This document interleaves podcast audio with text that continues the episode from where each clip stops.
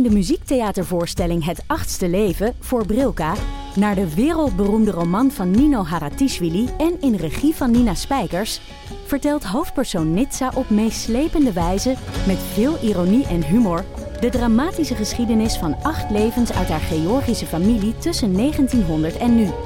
Een hartverscheurend en tegelijk troostrijk drama verteld vanuit het perspectief van vrouwen uit verschillende generaties. Waarbij het publiek meegenomen wordt op een emotionele, visuele en muzikale reis door de 20ste eeuw. Koop je tickets voor het achtste leven via oostpol.nl. Luister jij al naar de podcast Co en Zo? Ik ben Rick Paul van Mulligen. Ik ben Nina de Lacroix. En samen met jouw man René voeden wij twee kinderen op in twee huizen. Co-ouderschap. We hebben het over alles wat je daarin tegenkomt. Maar ook over de juice tijdens onze kinderloze dagen, want die heb je ook in het co-ouderschap. Een podcast voor alle ouders in alle vormen, maar ook voor alle mensen zonder kinderen. Zijn we eerlijk, heerlijk herkenbaar. Dus luister naar Co en Zo in je favoriete podcast-app. Oké, maar hoe doen we dit dan? Deel 2, aflevering 92, deel 2 zeg ik dan nu ook weer. Welkom bij Damn Honey. Ja. Oké. Hallo, ehm poekies. Welkom bij deel 2 van aflevering 92 van Damn Honey.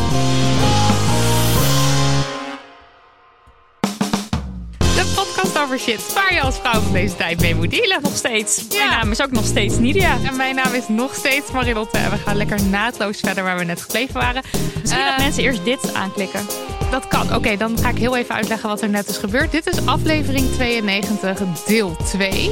En eh, we beginnen bij eh, de Damn Honey No en Yes. Nu? Mocht, nu. Mocht je nou denken, hè, maar dat is altijd op het eind. Klopt. We hebben net deel 1 opgenomen. En daarin was Milou Delen te gast om te praten over haar eh, boek. Hoe doen we het? En over seks. Dus als je nu denkt, ho, maar ik wil dit in volgorde. Even terug naar deel 1. Juist de volgorde horen. En als je nu denkt, hey, I like to switch it up, dan kun je gewoon lekker hier naar de, blijven luisteren. Naar de Damn Honey No en Yes. Eh, dus dat is eh, iets waar we boos van werden en iets waar we blij van werden. En Nidia gaat nu vertellen waar we boos van werden. Ja, en waarom we dit dus even in twee hebben geknipt, is omdat er veel was om boos over te zijn. En toen dacht ik, ja, dit is zo'n lang verhaal. Laten we maar gewoon even een losse aflevering ervan maken. Ja, we willen het ook gewoon niet afraffelen. Het Ja. is gewoon te belangrijk. En Milou heeft ook, die had het druk. Die Ja, moest ook gewoon ook weer door dingen naar doen, andere ja.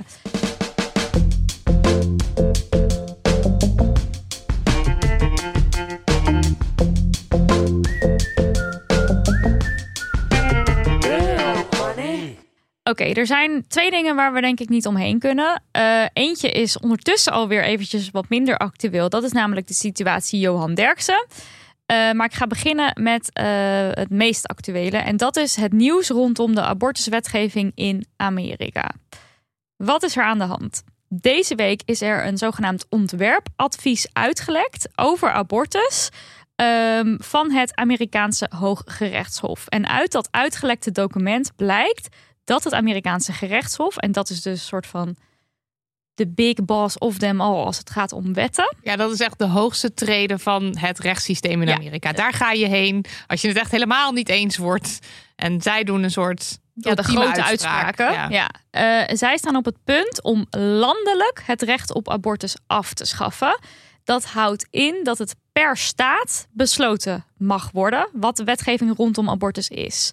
Dus eh, even, eh, hoe is het dan nu? Nou, nu ehm, is vastgelegd in de wet dat eh, in ieder geval elke staat één abortuskliniek moet hebben. Ja. Dat is hoe het nu, hoe nu de situatie Wat is. ik trouwens ook al niet eh, veel vind. maar Nee, en dat is nu ook al heel shit. Maar daarover zometeen meer. Maar wat wil het gerechtshof nou? Ze willen voor elkaar krijgen dat twee eerdere uitspraken die het recht op abortus regelen, vernietigen of verwerpen.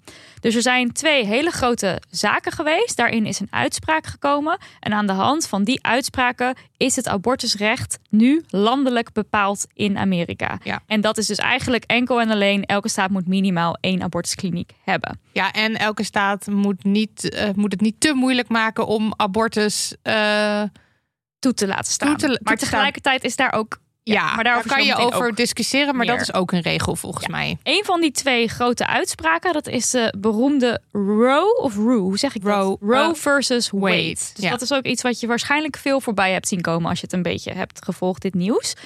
Ehm, En als die uitspraak dus wordt verworpen, dus dat er wordt gezegd: oké, maar wat alles wat daarin bepaald wordt, dat telt vanaf nu dus niet meer. Dan wordt abortus in 13 Republikeinse, Republikeinse staten per direct illegaal. En waarschijnlijk zullen er zo'n 11 staten volgen die het recht op zwangerschapsafbreking sterk zullen inperken. Dus dit zijn staten waar de situatie daar is al niet optimaal of gewoon echt heel slecht. Ja. En het gaat dus eh, dan nog slechter worden. Ehm, ja, want we hebben het net al eventjes over. Oké, maar hoe, hè, het mag niet moeilijk gemaakt worden. Maar de hele tijd krijgen we nieuws uit Amerika dat er dan weer die staat die regel heeft bedacht. En dan weer die staat die regel. Ja, en, eh, maar volgens mij is het dus nu wel zo. eh, bijvoorbeeld in, in Alabama of zo wilden ze, hadden ze hele strenge regelgeving. En dat is de hele tijd volgens mij niet grondwettelijk of zo. Of de hele tijd. Oh, dat het er kunnen- nog niet is. Volgens mij willen ze dan boetes opleggen of willen ze mensen dan in de gevangenis zetten. En dat lukt dan niet, omdat dus Oh, landelijk nu het nog steeds zo geregeld is dat abortus nog legaal ieder geval- is. Ja, oké. Maar het is dus wel zo dat in de afgelopen tijd al zo'n in zo'n 13 conservatieve staten er steeds meer beperkende wetten zijn gekomen. En net nog. En ja, er is vandaag dat, we dat, dat we dit opnemen, is dus bekend geworden dat de staat Oklahoma eh, een zeer strenge en beruchte abortuswet ingesteld heeft. Namelijk, na zes weken wordt abortus per direct verboden. En deze wet zorgt ervoor dat iedereen die helpt bij of aanzet tot eh, abortus kan worden aangeklaagd. En dat kan dus door een privépersoon. Dus iemand zou kunnen zeggen: hey, jij hebt de taxirit naar de abortuskliniek gedaan. Ehm, dan kan je gesuwd worden dus tot bedragen van 10.000 dollar. Ja, dus, dus dat je krijgt dan ook nog een soort controlesysteem. Ja, Ja, doodeng. echt heel erg eng. Eh, en deze wet die is bijvoorbeeld dus ook al in Texas van kracht. Dus het, ja, ik snap dus niet helemaal wat er bedoeld wordt met het mag mensen niet moeilijk gemaakt worden om naar de kliniek te gaan. Want dat is dus al helemaal van de baan. Dat is al helemaal niet meer. Nee, het wordt mensen sowieso heel moeilijk. Ja, gemaakt. in heel veel staten. Je moet daarna volgens mij echt zover, zover willen gaan een rechts, rechtszaak aan te spannen. Wil je misschien nog kans maken met dat je dan alsnog gelijk krijgt. I guess. Ja. Maar goed. Nou, Ik dit- vind het, de, het is ehm, wat zo zorgelijk ook is. Nou ja, zorgelijk. Want, want de kans dus dat, ehm, dat, deze, eh, dat dit landelijk wordt afgeschaft, is best groot. Ja. Omdat die, eh, dat conservatieve, of dan nemen we nu dat, dat gerechtshof, dat hele hoge gerechtshof, Ja. bestaat voornamelijk uit rechters. Bestaat uit negen rechters, toch? Ja, en vijf van de vier zijn, Zijn en conservatief. vijf van de negen zijn conservatief. Ja, dus de meerderheid is conservatief. En dit is echt zo kut, want dit heeft Trump allemaal gedaan. Ja, die heeft Die heeft er- benoemd. Die heeft er drie benoemd. Drie in zijn Amster- Amstermijn zijn er drie doodgaan. Heeft hij er drie benoemd. En het zijn allemaal conservatief. Is toch, is toch crazy? Die mensen worden benoemd. Crazy, crazy. Het is niet oké. Het is niet oké. Eh, excuus voor de validische stem. Ehm, maar het- ik vind het zo bizar dat deze man vier jaar eh, president was. En, En dat er, soort dingen kan En dat er dan drie eh, rechters die dus benoemd worden voor het leven Ja. overlijden. Ja. En ik denk dan dat misschien waren dat wel allemaal democraten, weet ik niet zeker. Ehm, Ik weet ook niet hoe dat dan zit. maar Maar dit is natuurlijk waar heel veel activisten al heel vanaf het begin van Trump al op gehamerd hebben. Van dit soort shit gaat gebeuren. ja, Let op je, eh, je wetgeving rondom anything, eh, zogenaamd wat mensen dan progressief noemen. Hè? Dus abortus, maar ook transrechten. Alles rondom de LHBTIQ same-sex community. marriages en Ja. zo. Ja. Ehm, maar ook natuurlijk eh, racistische wetten, al dit soort dingen. Daar moet je zo scherp op zijn. En daar is al voor gewaarschuwd. En nu zie je dus inderdaad dat die gevolgen beginnen, steeds meer beginnen te komen.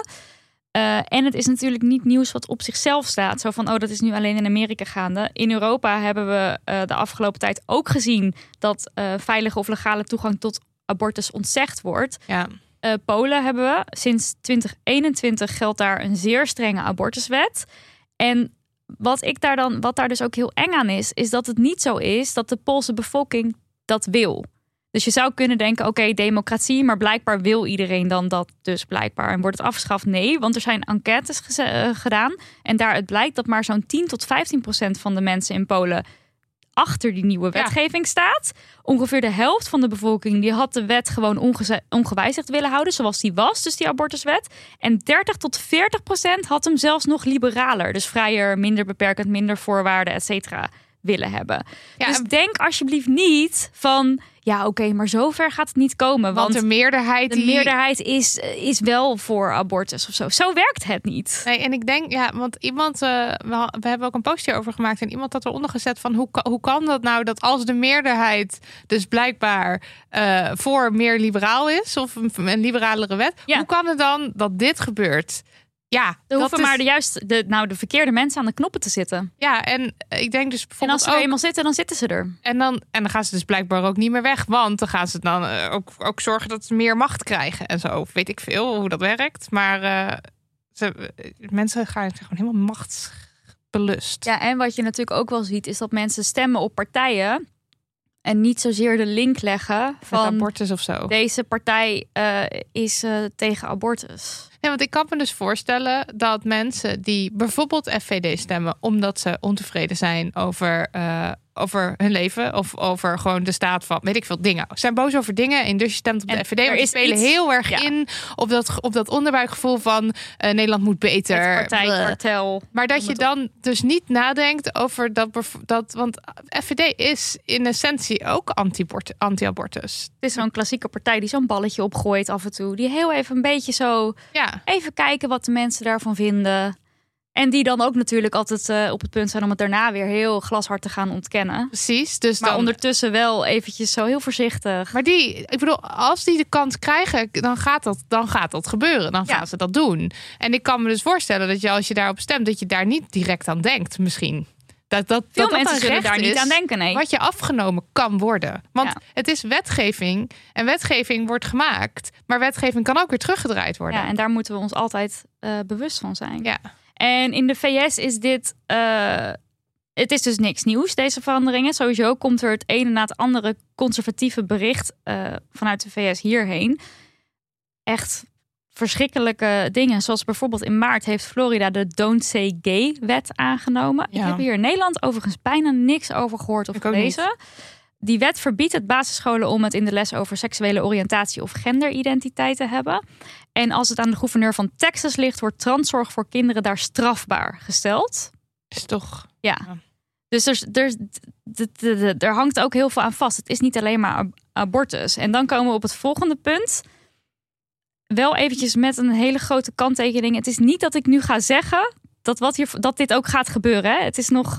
We weten het allemaal nog nee, niet dit, goed. dit zijn gewoon gevaren die je nu gaat noemen, Ja, toch? Ja. Kijk, wat er aan de hand is. Die zaak, die Roe versus Wade, dat is een rechtszaak uit de jaren 70, geloof ik. Ja. Maar die uitspraak, die gaat over vrijheid van het individu en gaat over privacy. Dus dat de vrijheid van het individu niet mag worden ingeperkt door overheidsbemoeienis. Ja. Dat wordt dus gelinkt aan abortus. Als in de overheid die mag daar niet iets over vinden, want, want je hebt dat recht op privacy. Als individu zelf- zijnde. Ja, Ja, als individu zijnde. Dus ehm, op het moment dat de uitspraak Roe versus Wade wordt verworpen, dan zijn er nog veel meer andere wetten en dingen die op losse, losse schroeven zouden kunnen komen te staan.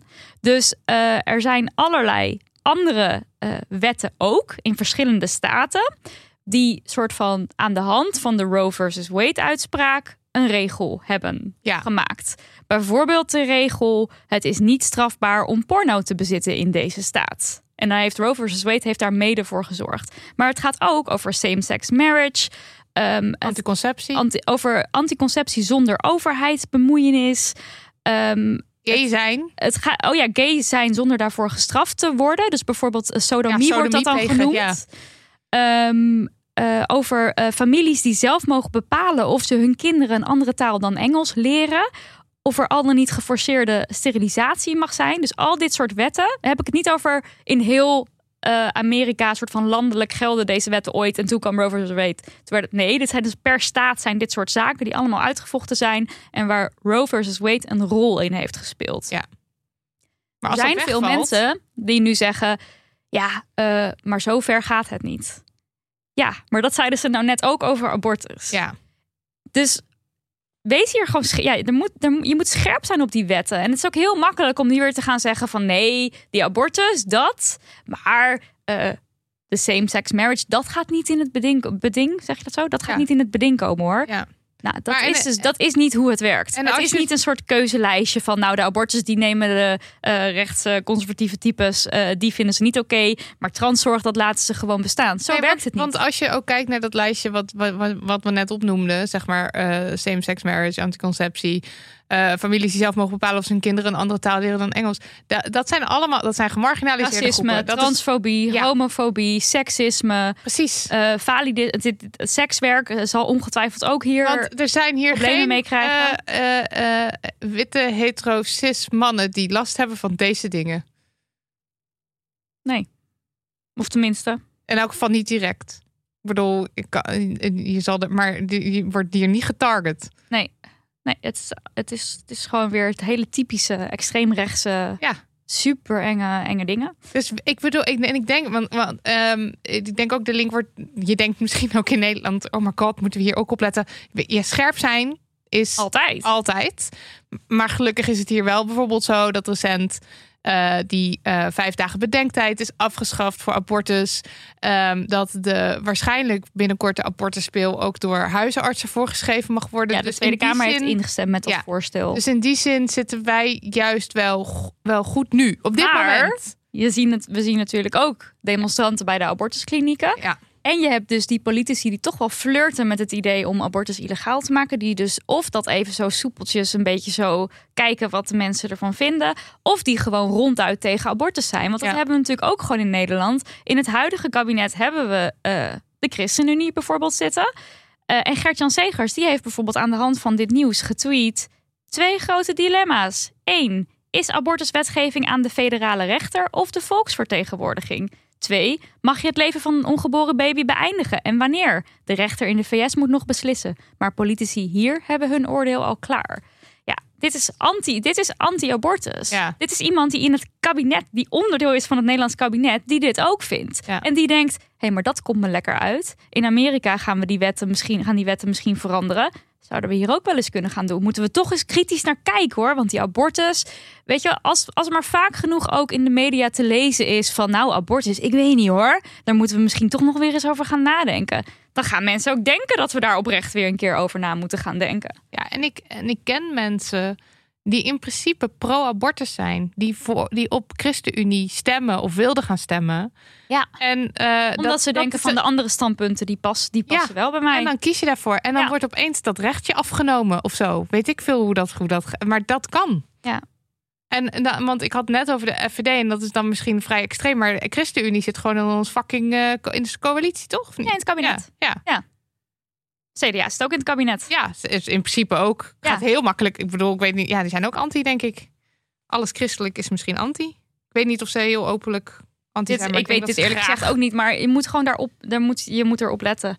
En het ook meenemen in je stemgedrag. En eh, dat dit nu zo eh, in Amerika gebeurt, dat is natuurlijk ook gewoon eh, dood fucking eng. en anti-vrouw. Ja. Eventjes vanuit de conservatieve hoek gezien dat abortussen alleen door vrouwen, want We dat weten natuurlijk niet zo, niet maar het is een vrouwen- anti-vrouwen maatregel. Je kan ook zeggen, we vinden het zo erg van dit ongeboren leven, van de ongeboren kinderen. We gaan alle mannen steriliseren, maar dat is natuurlijk niet iets wat eh, opkomt Nee, eh, ja. bij deze eh, het, het, het lijf met een baarmoeder. Want ik bedoel, mensen die geen vrouw zijn, maar wel een abortus ondergaan.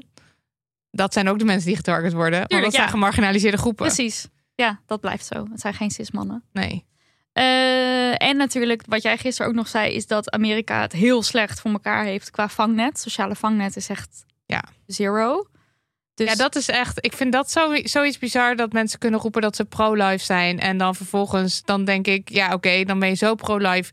Maar in hoeverre is het. je bent ook is voor de doodstraf, die- Chris, eh, Gert-Jan Segers. Ja, godsamme. Hoe kan je jezelf pro- pro-life noemen? En, maar en het is ook, oké, dan komen al die baby's, eh, al die baby's ter wereld. En, eh, eh, en een groot deel van die baby's zal niet per se meteen in een goed, goede omstandigheden opgroeien. Ik bedoel, een deel wel, een deel niet.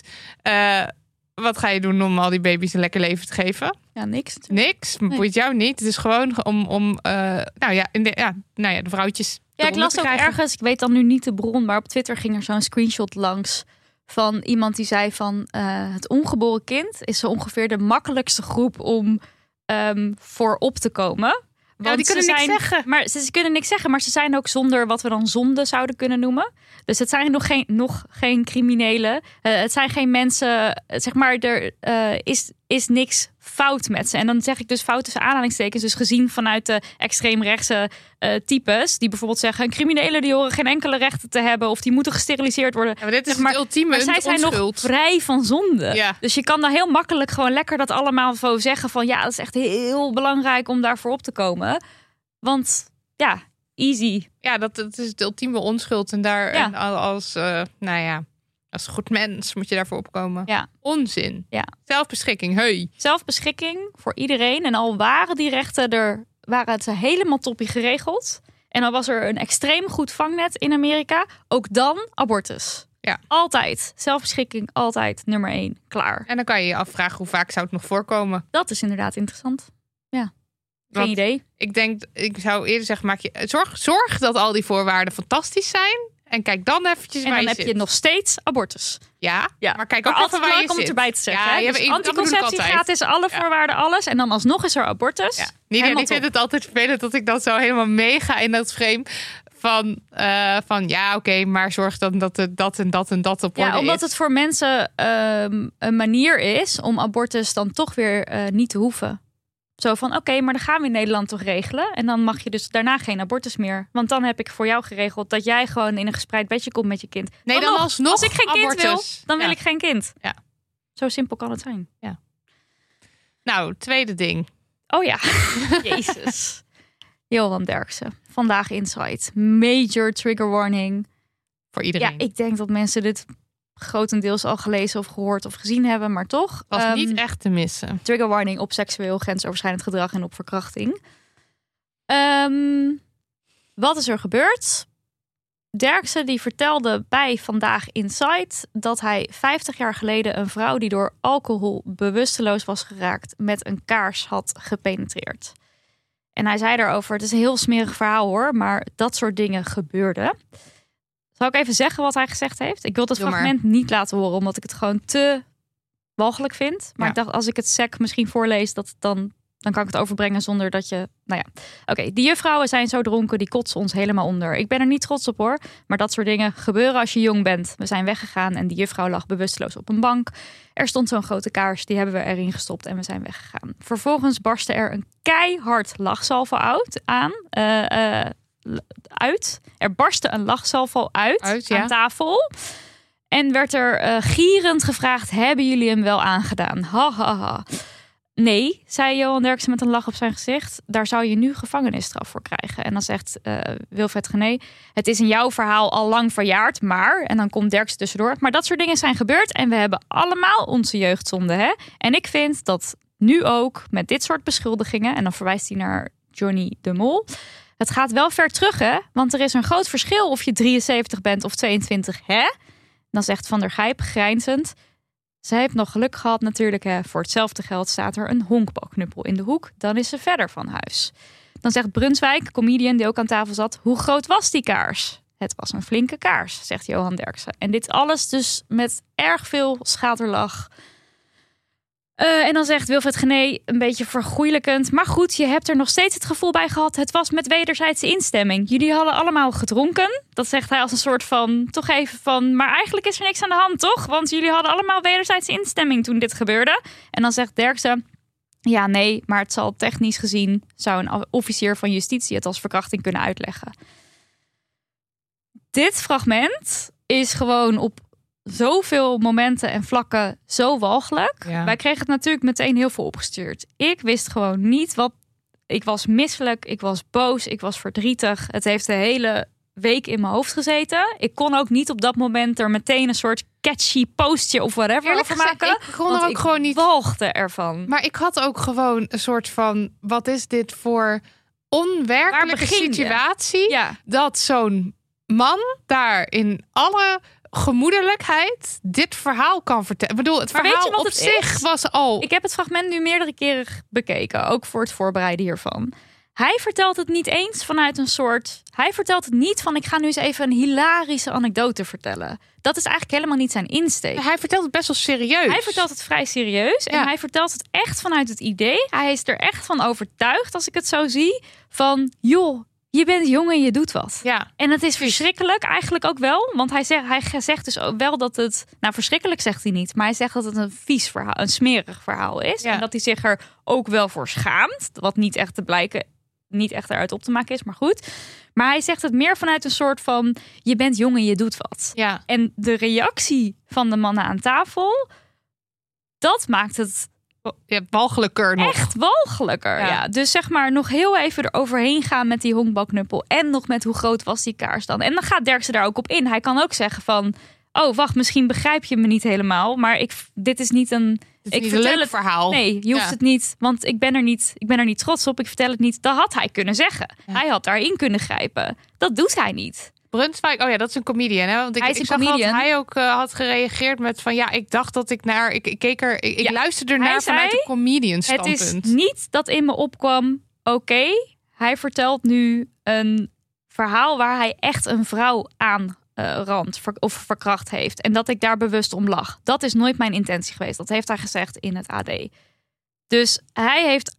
Wat hij dan nu vertelt, hè? we weten niet hoe die de, hoe- wat er echt gebeurt, maar wat hij vertelt, en dan moeten we maar even voor waarheid aannemen, is dat hij dacht: dit is een, grap. een hilarische grap. Hilarisch. Een hilarische Echt anekdote die met mij ja. gedeeld wordt. Nou, ik vind het dus ook bizar dat al was het een grap, hoe de fuck denk je dat het grappig is? En ga je er nog even overheen met hoe groot was die kaars? Dus je wil er nog eventjes een soort van jouw pis overheen plempen met... Over een hilarische grap waarin een vrouw verkracht wordt. Ja, en dat is dus ook het ding. Verkrachting, eh, eh, vrouwenhaat is entertainment Ja. in, dit, in dit stukje. Ja. En dat is niks nieuws van deze club mensen. Want we hadden natuurlijk al de homofobie, de transfobie, het seksisme, het racisme. Het is allemaal voorbij gekomen. Ja. Dus allemaal ook al een keer ophef. Of nou, ophef, ik vind dat eigenlijk een verkeerd woord. Want dan wordt een beetje mee gedaan alsof het Het was in ieder geval dat dan Talpa weer moest ingrijpen. Mensen werden er boos. Mensen weer, zeiden ja. er wat van. Dat programma is dan gestopt en weer een andere naam. En weet ik wat allemaal. Het is niks nieuws. Dus wat dat betreft zou je ook kunnen denken... nou, eh, het verbaast me niks. En toch was het echt weer een klap in mijn gezicht. Ja, het was. Ja. Nou, ik, ja, nou, ik wil graag het woord hallucinant gebruiken. Eh, dat, dat was het. Ik heb er naar zitten kijken met. Nou, blijkbaar is dit dus een programma, maar ook een land... waarin je dus denkt dat je lacherig kunt praten over verkrachting... zonder daarover op je vingers getikt te worden. Ter- eh, dus zelfs, zelfs dus dat je er nog een grap overheen maakt. Dat is Zo- blijkbaar wat, wat, waarvan zo- mensen denken dat dat oké is. Zo comfortabel zat hij het te vertellen. Ja, maar zo comfortabel reageerde de tafel ook. Want eh, echt nogmaals, als je terugkijkt, hij vertelt het comfortabel, maar serieus. En de schaterlach, da- daar word je echt kotsmisselijk van. Ja, En ook het publiek, ja, ik snap ook wel, je zit daar en je weet ook misschien even niet wat je overkomt, maar je ziet zoveel mensen meelachen. mhm, ja. En dat is natuurlijk ook wat rape culture is. Dus we met z'n allen in stand houden van dit is hoe het is, dit gebeurt nou eenmaal, we lachen erom. Eh, je mag er ook niet te serieus iets over zeggen nu, want het is kutgezeik. Dat is wat Niet, Van der eh, Grijp dan nu zegt ja. over de reacties die hierop, kunnen, eh, die hierop komen. Niet zo drammen. Je, het is drammerig, het is woke, het is cancel culture, noem het allemaal maar op. Maar wacht, ik wil het eerst even Ja. hebben over die tijdsgeest nog. Want hij gooit het dus de hele tijd op van ja, en dat toen, zeg maar, dat het toen was of zo. 50 jaar geleden Was het ook verkrachting? was het ook verkrachting? Was het ook niet oké? Was het ook strafbaar? Eh, ik zag iemand eh, vanuit het strafrecht erover zeggen van... oké, misschien dat het toen niet gezien werd als verkrachting... maar sowieso wel als ontucht. Daar staat nu op dit moment gewoon acht jaar zelfstraf max voor. Dus het is niet dat dat een soort van niks aan de hand is of zo. Maar ook... Ook al zou je zelf denken, nou vroeger kon dat nog of zo. Die slachtoffers, voor die slachtoffers is het net zo traumatiserend, net zo heftig, net zo verschrikkelijk, net zo levensslopend als dat je nu wordt verkracht. Ja, en ik heb. Nou, ik, ik heb zoveel gedacht aan die vrouw. Ja, tuurlijk. En, En- aan alle andere mensen die te maken hebben gehad met seksueel grens. Nou ja, omdat dat op tv kwam en dat dat super triggerend is voor iedereen die Heel seksueel geweld heeft Ja. meegemaakt. Ja. Dus dat ten eerste, maar ook gewoon, eh, ik bedoel, er wordt dan dus zo om gelachen in een, eh, in een talkshow. Maar even afgezien van ehm, als zij dit terug zou zien, hoe dat voelt. hoe, hoe is zij wakker geworden? What the fuck? Waarom hebben we het daar niet over? Eh, heeft, zij, heeft zij hulp gekregen? Heeft zij zorg gekregen? Eh, kon ze erover praten? Hoe is haar leven ontwricht? Ik kan alleen maar daaraan denken. Ja. En eh, dat, dat zeg maar het nu dus kutgezeik en woke en drammerig wordt genoemd. En dat je dan... En, en terwijl ik alleen maar denk, maar die vrouw. Ja, ja, I know. En ook, ook het ding dat hij dus zegt, Derksen zegt, we hebben allemaal onze jeugdzonde, hè? Dan denk ik echt, wow, oké, wow. Maar, Ik heb maar niet zo'n jeugdzonde hoor. Ik weet nou, niet waar je het één- over hebt. één, nee, dat is niet waar. Maar twee, als jij dat denkt, als jij denkt dat elke, laten we dan even zeggen, elke man, want ik kan, ik, nou, misschien denkt hij dat vrouwen dit ook doen, ik weet niet. Als jij denkt dat iedereen zo'n jeugdzonde heeft, In welke wereld zou, leef jij? Nou, wat zou dan je geschikte reactie moeten zijn? Hoe de fuck gaan we zorgen dat dat dan niet zo is? Als dat Ja. oprecht is dat jij denkt dus dat, dat dat de wereld is waarin we leven, dat iedereen dit maar gewoon doet op zijn 22e, dan moeten we toch met z'n allen. Ik bedoel, we moeten überhaupt keihard in actie komen. Want het is zo dat er heel veel seksueel geweld, verkrachting, aanranding gebeurt. Dus het is ook zo. Maar niet dat iedereen dat doet. En op het moment dat jij dat wel denkt, Ja. en dit is jouw reactie erop: het grappig vertellen en zeggen: Ja, kijk, eh, dat is nu 50 jaar geleden. Ik ben nu een andere man.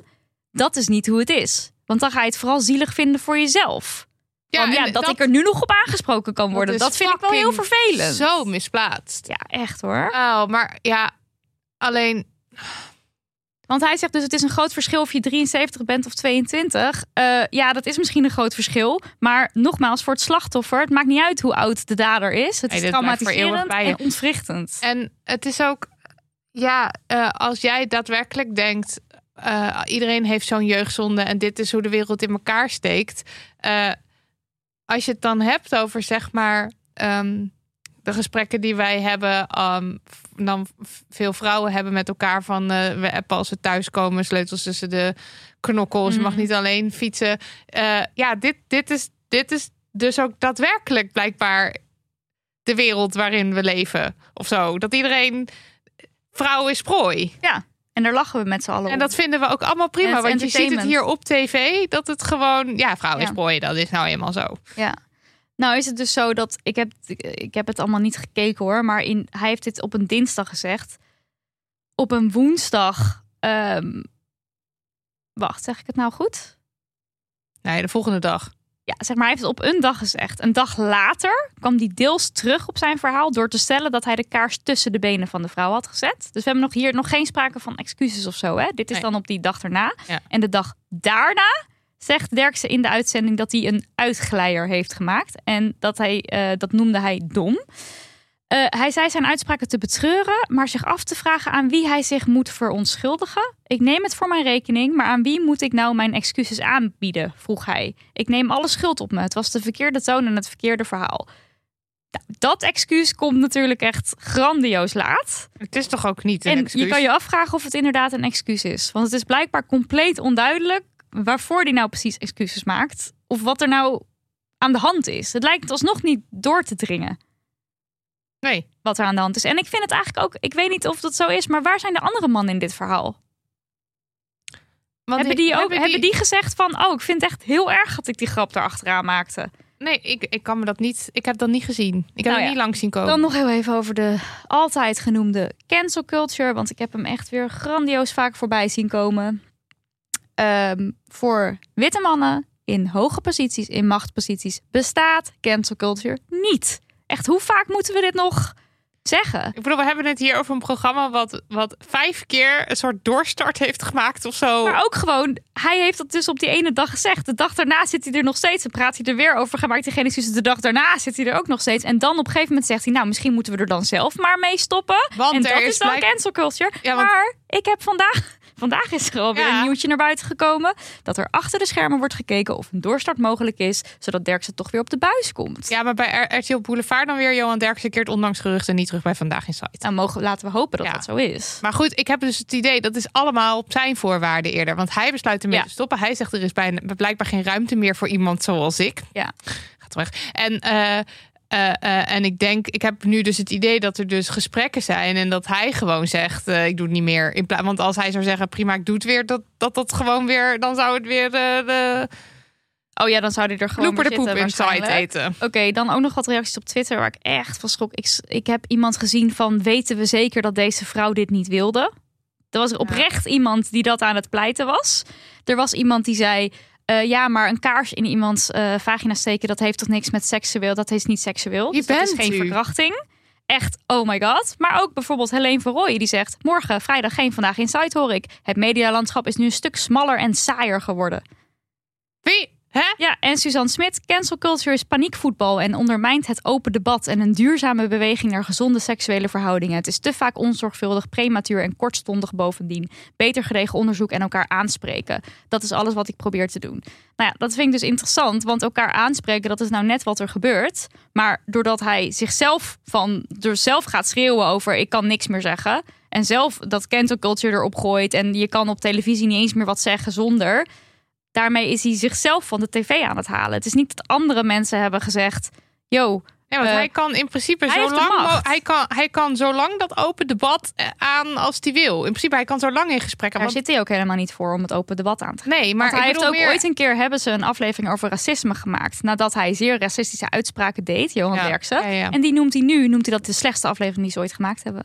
Dat is niet een open debat aangaan. Hij zit daar echt totaal niet om maar ook iets te leren. Nee, maar ik En- bedoel meer dat, dat, dat zeg maar eh, de reacties zijn ook onderdeel van het gesprek. Maar mensen doen alsof dat, alsof dat, alsof dat cancel culture is. Terwijl je moet Ja. kunnen reageren erop. Tuurlijk, dat is gewoon je consequenties van je daden. Ja, en ik bedoel, die- dat is niet leuk. Nee, als je het ver genoeg doortrekt, dan is in de cel gaan omdat je moord pleegt cancel culture.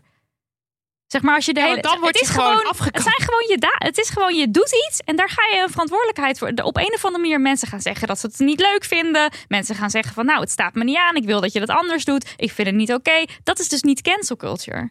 Maar zo wordt het wel ja, gezien. gewoon zo wordt het gezien. En, maar ja, d- je, je maar wordt wat gewoon ik niet dus een goede reactie vond van Lieke Marsman. Die zei namelijk op die tweet van Suzanne Smit: cancel culture is beter dan rape culture. Nou, dat vind ik ook. En Sander Schimmelpenning, Ja, die had er ook weer eentje. Jullie zitten te tweeten over de kaars van Derksen. Terwijl jullie zitten te tweeten over de kaars van Derksen... zijn er twee fantastische vrouwen in Oost-Europa... die Nederlandje in zijn hemd zetten. En dan had hij een verwijzing naar iets wat er aan de hand was. Toen zeiden mensen van, nou, sorry hoor... maar eh, mogen we tweeten over dit? Want het is nogal heftig. En toen, vond hij, eh, toen ging hij zeggen van... ja, ik vind de aandacht disproportioneel. Het is emo-nieuws. Mannen en vrouwen in Nederland houden zich voortdurend bezig... met roddelnieuws en trivialiteiten. Ja, lekker seksueel geweld afdoen als trivaliteit en roddelnieuws. Ik kan- er gewoon... Ik, ik, ik, gewoon, ik kan gewoon niet bij. Ik snap... Ik snap Dat was het inderdaad, ja. Wat je nu zegt. Ik kan er ook gewoon niet bij. zeg maar, ah, leef, je, leef je eens eventjes gewoon even heel erg in in dat slachtoffer. Dan kan je dat toch niet zeggen? Nee. Ik snap, nee. Gewoon even helemaal visualiseren hoe je dan wakker wordt. Hè? Gewoon als je helemaal niks erbij kan voorstellen. Helemaal visualiseren. Dan kan je toch niet denken Trivialiteiten. trivialiteiten. Dat Ja. is gewoon in mijn hoofd niet mogelijk. Nee, in mijn hoofd ook niet. Maar ja. Eh, ja, hij vond dat hij meteen weer in een hoek werd geplaatst en als vrouwenhater werd gezien. En dat, dat hij dat absoluut niet zei. En hij vond iedereen maar dom, want ze hadden zijn tweet niet goed gelezen. En noem maar op, noem maar op. Hij Oké. zit echt zo in zijn ivoren toren. Is echt wel bijzonder. De Damn Honey Yes. Ja, Oké. Ik ben even in de kwestie achternamen van baby's gedoken. Dat is fun. Dat was fun. Baby Ehm, en achternaam. Oh, heerlijk. Mijn favoriete. Ja, dat weet ik wel. Ik zie jou helemaal opleven. Ehm, kijk, in eerste instantie is dus de Dame Hanies eh dat er in Italië eh, dat daar het grondwettelijk hof in Rome geoordeeld heeft over de regel dat een kind automatisch de naam van de vader krijgt. Zo is dat geregeld nu. En zij noemen dat discriminatoire en schadelijk voor de identiteit. Ja, dus, dat hebben zij geoordeeld. Ja, dat het die discriminatoire regels en die er, schadelijk is. ja, de, de regel die er nu is, dat is niet goed. Ehm, en de uitspraak van het grondwettelijk hof bepaalt dat een baby nu standaard de naam van beide ouders krijgt. Dus je baby wordt geboren, krijgt van allebei. We gaan we hier, we hebben Hagen hier de hele tijd. Haag Voorthuizen. Baby. Ja, precies. Oh. Ehm, en dan mogen ze zelf, ouders mogen dan zelf bepalen in welke volgorde eh, die namen dan eh, gezet worden. Eh, tenzij ouders overleggen en zeggen we doen één naam en dat is dan ook goed. Maar Ja. goed, in ieder geval in samenspraak met elkaar. Ja, dus En- het enige eigenlijk wat veranderd is, is dat de standaard veranderd is, begrijp ik. Ja, want eerst Toch? was het standaard. Was de man, Man. en nu is de standaard allebei. Als Ja. je er niks over gaat zeggen, krijgt het kind twee achternamen. En dat is goed. Tenminste, dat las ik als goed. Ja. Ehm, want dat is gewoon eerlijker verdeeld. En niet de hele tijd dat de man maar gewoon dan vaders wil is wet, zeg maar. Ehm, en de Italiaanse rechters lieten weten dat de oude regels volgens hen in strijd zijn met verschillende artikelen uit de grondwet en het Europees Verdrag voor de Recht van de Mens. Ehm, Oké, dat is top dat ze dat erkennen. En ehm, mochten ouders er niet uitkomen welke naam eerst moet, dan is de regel alfabetische volgorde. Top. Hartstikke leuk. Ja. Oké, dan daar zat ik eventjes zo van, oké, hoe zit het dan hier in Nederland? Volgens mij hebben we het daar al wel eens over, over gehad. Maar in principe mogen kinderen hier de achternaam van de ene of de andere ouder krijgen. Uh, maar als het kind naam krijgt van de moeder, dan moet de vader mee om een akte van naamskeuze op te maken. Dus het is een beetje van. Ja, maar de man moet de moeder niet ook mee? Ja, de moeder moet ook mee. Ja. Maar de moeder mag niet alleen doen. Oh, ook niet. Oké, de moeder mag het niet alleen doen, maar ze moet ook mee. Het is dus niet, de vader kan Nee, niet gaan zeggen... kan je, kan je als vader kan je, je kind aangeven. Ja, met Alleen. je vaders naam, maar niet met de moedersnaam. Nee, nee, nee, dat klopt. Dus als je een moedersnaam wil, Als je vader bent, kan je gewoon in je eentje daarheen en zeggen: Het krijgt mijn achternaam. ja, Ben je een vader, maar wil je de naam van de moeder, dan moet de moeder mee. En het maakt dus niet uit als zij met ik weet ik veel hechtingen, gedoe. Je bent net bevallen, dan ga je mee. Oh, Ja, oké. Dus En dat is bizar. dat is bizar. Dus als moeder word je geacht daar, daarheen te kruipen. Ja, Ehm, er was toen een keer een foto van een vrouw die op een stepje daarheen ging. ging. Omdat ze per se, ze moest daarbij zijn om dat te kunnen doen. Maar vader moet er ook bij zijn. Mag ook niet zonder de vader. Ja, dat weet ik dus niet. Dat maar als is jij dus dat zegt, dan is blijkbaar dat, zo. ja. De man, betaalt. man, man, Man, betaalt, bepaalt. man bepaalt. Man bepaalt. Zo zie ik het graag. Ja, oké. dus eh, achternaam moeder mag, maar vaders wil is wet. Dat is eh, hoe het eh, Ja. staat. Ehm, hier gaan we dus uit van hetero-koppels. Dat is in de alle kantartikelen die ik uh, Ja, maar dit Last. gaat ook specifiek gaat over ook echt. hetero Zo is het ook geregeld. Nou ja, Als in over... bij lesbische koppel- koppels is het weer anders. Dan weet ik niet. Nou, nee, maar bij weer- lesbische koppels, dat is ook interessant. Bij lesbische koppels is de niet-barende de achternaam die je dan standaard krijgt. Oh. Volgens mij. Het is gewoon niet de barende. Dat Niet is een soort van de oplossing die ze geloof ik bedacht hebben. Echt raar. Wat best wel raar is als Heel raar. standaard. Als standaard zou je eerder denken, de barende.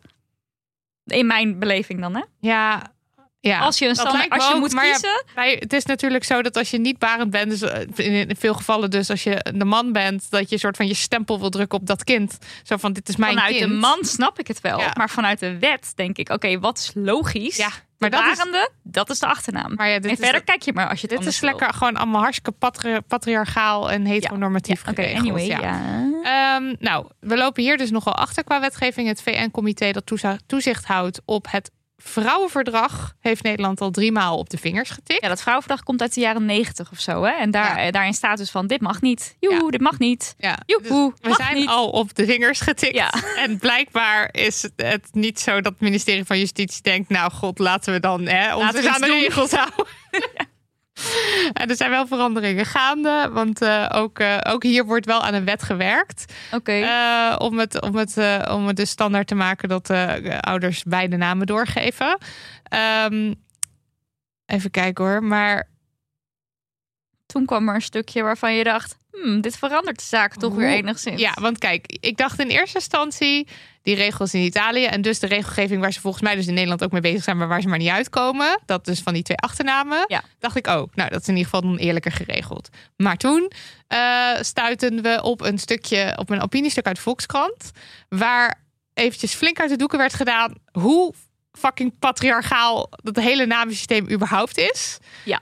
Ehm, Dat is geschreven door een, een, een naamwet. Leendert Brouwer, dat is een naamwetenschapper of zo. Toch? Ja, Nederlandse van de- familienamenbank. Daar Ja, is precies. Ja, leuk. En ehm, eh, hij heeft een stukje, ik zet, ik zet hem sowieso in de show notes, maar om maar even een samenvatting te geven, eh, een stukje over hoe emancipa- emancipatoire die dubbele achternamen dan zijn. Discriminatoire. En het is dus eigenlijk helemaal niet emancipatoire, eh, want het houdt het patriarchale systeem enorm in stand. Ten eerste zegt hij, het is een verschuiving van het probleem, want je geeft je kind twee namen, maar dat betekent dat als jouw kind eh, een kind krijgt, Dus Hagen van Voorthuizen krijgt Ja. een kind. ja, dus bijvoorbeeld Montijn van de Poppen. Ja. En dan krijgt, eh, krijgen die twee je- ik, eh, krijgen ook een kind.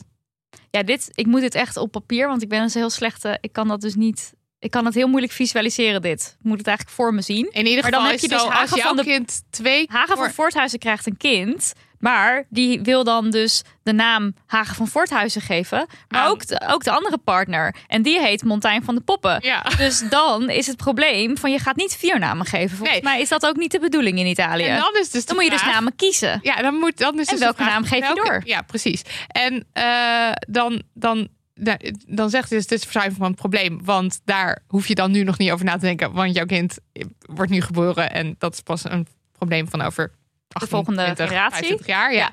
Eh, het Iberische namensysteem, dat is dit systeem waarin die Beide ouders. beide ouders dus de achternaam doorgeven. Ehm, dat is, dus zo heet het, het Iberische namensysteem. Maar de volgorde daarin überhaupt is ook gewoon eerst vader dan de moeder. Ja, dus je gaat zien, dat is natuurlijk ook in Nederland. Je mag zelf kiezen. Maar heel veel mensen die kiezen gewoon voor de vader achternaam. Dus je mag zelf kiezen in welke volgorde je de twee namen gaat zetten. Maar we, doen gewoon de vader als Ja. eerste naam. Want het is gewoon logisch. Want het is gewoon de vaders achternaam. Dus het is gewoon logisch. Ja, precies. Ja. Dus, dus je, je, je hebt, nou goed, Dus dan krijg je dat. Dan krijg je dat. En het is ook zo vaak zo, ehm, een, dubbele, een dubbele naam is onhandig. En vaak ehm, verkiezen mensen die dus die dubbele naam hebben, die, die maken dan eigenlijk gebruik van één van beide namen. En als voorbeeld noemt hij, dan, naam. noemt hij dan Messi, de voetballer. Eh, niemand, iedereen kent Messi, maar wie weet dat hij Messi Cucitini heet. Cucitini? Cucitini? Cucitini. Als in dat is die Cucitini is de naam van eh, zijn moeder. Ja. Ehm, niemand weet dat. Dus ja, dus als die je twee namen geeft, dan is de kans groot dat de eerste naam de vader gaat zijn. Dan is de kans ook groot dat we iemand gaan aanspreken met alleen de eerste naam. En dan hebben we dus eigenlijk gewoon nog steeds mannen, mannen, mannen, mannen. Ja. Dus dat. En, wat dan ook nog best wel grappig is, hier, als je bijvoorbeeld naar Nederland kijkt, is dat überhaupt namen super mannelijk en patriarchaal zijn eigenlijk. Want bijvoorbeeld Van oorsprong Ja, van al. oorsprong. Ja. Want bijvoorbeeld eh, de achternaam Jansen, dat is dat is dat dat was oorspronkelijk was dat Jans zoon. Jan zijn zoon. Ja, en eh Pieterse oorspronkelijk Pieter zijn zoon. Had je dan ook eh Pieter zijn dochter? Nee, dat bestaat niet. Nee? Ik Denk dat dat niet. misschien wel bestond, maar dat dat langzaamaan verdwenen was. Uit, Oh, misschien wel. Pieter. maar ja, Ja, Stel misschien, verder. misschien wel hoor. Maar goed, dan nog steeds is het dus eh, eigendom van Pieter of zo. Ja. Of een kind van Pieter. Eh, het zijn ook heel veel mannen. Ja, hier, wacht even. Ik oh, had wel. het wel. Werd een meisje dan dat voor de invoering van de burgerlijke stand anno 1811 nog naar haar vader Jans dochter genoemd. In het vervolg kregen meisjes de familienaam Jansen. Ah, Wat heus Jans zoon betekent. Ja, dus er was Jans dochter. Dat is dus wel ooit. dus dan word je ook nog eens. Maar Word je ook nog eens Jans zoon eigenlijk. Eh, Ja. En het is dan ook nog zo dat er veel ehm, beroepen zijn, bijvoorbeeld in achternamen. En dat dan bijvoorbeeld uh, Timmermans, een bakker. En dat is ook allemaal eh, afgeleid Mannenberoepen. van mannenberoepen. Ehm, dus in de praktijk is het überhaupt heel patriarchaal. Vaders wil is wet. Eh, en eh, en, en, en dit, dit systeem werkt eigenlijk ook niet, omdat alsnog de, de vrouwennamen het onderspit delven. Ehm, het stuk eindigt met. ja, Er kan nu wel een wetswijziging worden geforceerd om het ouders van nu naar de zin te maken. Maar we zouden ons ook eens kunnen afvragen waarom er überhaupt zo verkrampt met achternamen moet worden omgegaan. Ons systeem berust op wat Napoleons, Napoleons ons destijds voorschreef. Beseffen we eigenlijk wel dat het Engelse en Amerikaanse naamrecht zoveel soepeler is en dat men zich daar in principe noemt zoals men zich wil noemen. ja want, want nog, sorry, nog een stukje uit het artikel. Nu hebben we gewoon het hele artikel besproken. Maakt niet uit. Want het gaat nu net over man, vrouwen en zo. Maar eh, familienamen die dus erfelijk zijn, die hebben sowieso een, ja, een, een, een, een. Vibe. Ja, want je hebt En sommige familienamen die al heel veel eh voornamiteit of zo uit, waar je heel veel voorrechten uit hebt. Ja, dus waarmee je al een soort voorrechten meeneemt. Ehm schimmelpenning, ik noem maar wat. maar er zijn ook namen, dat schrijft Leendert, die ronduit een negatieve lading of associatie hebben. Ja, en daar zit je dan wel een soort van maar aan vast. Waarom eigenlijk? Ja, en dan kan je dat dus niet veranderen. Dus dat hele systeem moet op de schop. Je moet gewoon je eigen naam kunnen kiezen. Of moet je eigen, gewoon een eigen naam Als jij kunnen je eigen naam mocht kiezen, wat zou het dan zijn? Geen idee. Ik denk gewoon Marilotte Haag vind het hartstikke leuk. Nee, dat kan niet. Nou, Patriarchaal die dier moet ik even over nadenken. En jij? Geen idee. Ja, precies. Dit, ik kan Van de poppenhuizen. Oh ja, Want Daniel heet van de poppen en ik heet van Voorthuizen. Dus dat is leuk. Poppenhuizen. poppenhuizen. Nou weet je, we hebben Toby, Toby, onze hond, hebben we een eigen achternaam gegeven. Namelijk Tobemans. En ik heb een app op mijn telefoon. En ik zag dus dat er een kaartje onderweg is naar Toby. En er stond voor Toby Tobemans. Oh, dat is lief. Oh, dus maar dat is oké. een hartstikke leuke achternaam. Ik Maar heet... wel Mans trouwens, Ik heet... merk ik nu. Ja. Maar het is ook een jongetje. Eh, Toby, Toby Tobaki kan ook Toby Tobaki is Ja. andere achternaam. Ja. andere achternaam Ja. ja. ik word altijd Tante Leen genoemd van Toby. Dus Ja. voornaam Tante, achternaam Leen. Klaar. Marilotte Tante Leen. Ja. Marilotte Nee, gewoon Tante Leen. Oké. Mijn voornaam is dan Tante. Dit was dan aflevering 92, deel 2. Ja, Dankjewel Marilotte. dankjewel Nidia. Graag En ook gedaan. nog eventjes, nog een keertje dankjewel Milou dat je er was. Ja, geweldig. Ja, mocht je die dus nog niet geluisterd hebben, ga die er nog even luisteren. Eh, we hebben daar ook gewoon post, we hebben een Femimist en we hebben dus het hoofdgesprek over Milou's nieuwe boek. Hoe doen we het? Dat gaat over seks en hoe vrouwen dat al dan niet doen. Hartstikke leuk. Ja. Ehm, weet je wat leuk is? nou, Als je ons gaat steunen via petje.af slash damhoney dat is echt heel voor leuk. minimaal 1 euro per maand, Maar het is dus, dus het is dingen. dus, ja, je krijgt dingen. Maar het is nu nog extra leuk op dit moment. Kijk, je krijgt dingen en dat is de bonusaflevering. Dat zijn de dingen die je krijgt, bonusafleveringen. En die bonusafleveringen, we, we hebben die podcast, je doet het er maar mee, de podcast genoemd. Dat is een soort spin-off van Damn Money eigenlijk. Maar we praten daar over dingen. Anything. Allerlei dingen. Maakt niet uit. En in de laatste aflevering hebben we een, eh, eh, hadden we een gast. En dat was Bente de Bruin over haar boek eh, Het staat niet alleen in de sterren. En dat gaat over astrologie. En het is echt zo'n leuk Ja, gesprek. we zijn in onze geboortehoroscopen Ja. gedoken. We weten waar ons maanteken staat, ons zonteken, waar Mercurius staat. We weten het allemaal. We bespreken het in de aflevering. We hebben het over de huizen waar de planeten in staan. En ook, Ascendanten. en ook over, de, over hoe er lacherig wordt gedaan over astrologie. En ook of wij, of wij dat geloven. Ja, het allemaal of niet. Echt superleuk. Je kan het boek ook winnen, maar dan moet je dus wel eventjes over zijn. petje over zijn. Dat kan via petje.af slash. En je kunt ons al steunen vanaf 1 euro per maand. Echt niks. Nee, ik haat het echt als mensen dat doen. Dan zeggen mensen... Dan drink je gewoon een kopje koffie minder. Oh, dan word ik helemaal... Nee, voor sommige mensen is dat gewoon veel geld. Ja. Dus het is 1 euro per maand. En dat, dat is het. Dat is, dat is wat we erover Dat is We gaan niet zeggen is. dat het weinig is. En het is heel erg leuk. Het is gewoon wat het is. Ja. Eh, doe het dus, of niet. Zelf weten. Ja. Dag. Dag. Patriarchale boek. Patriarchaal dier. Sorry, hoe noem je mij? Een patriarchale die poek. maken? Ga toch weg. Marilotte patriarchale poekhagen. Ja. Nog even over die grootse en epische muziektheatervoorstelling. Het achtste leven voor Brilka is een marathonvoorstelling van 5 uur. Koop je tickets voor deze bijzondere theateravond via oostpol.nl.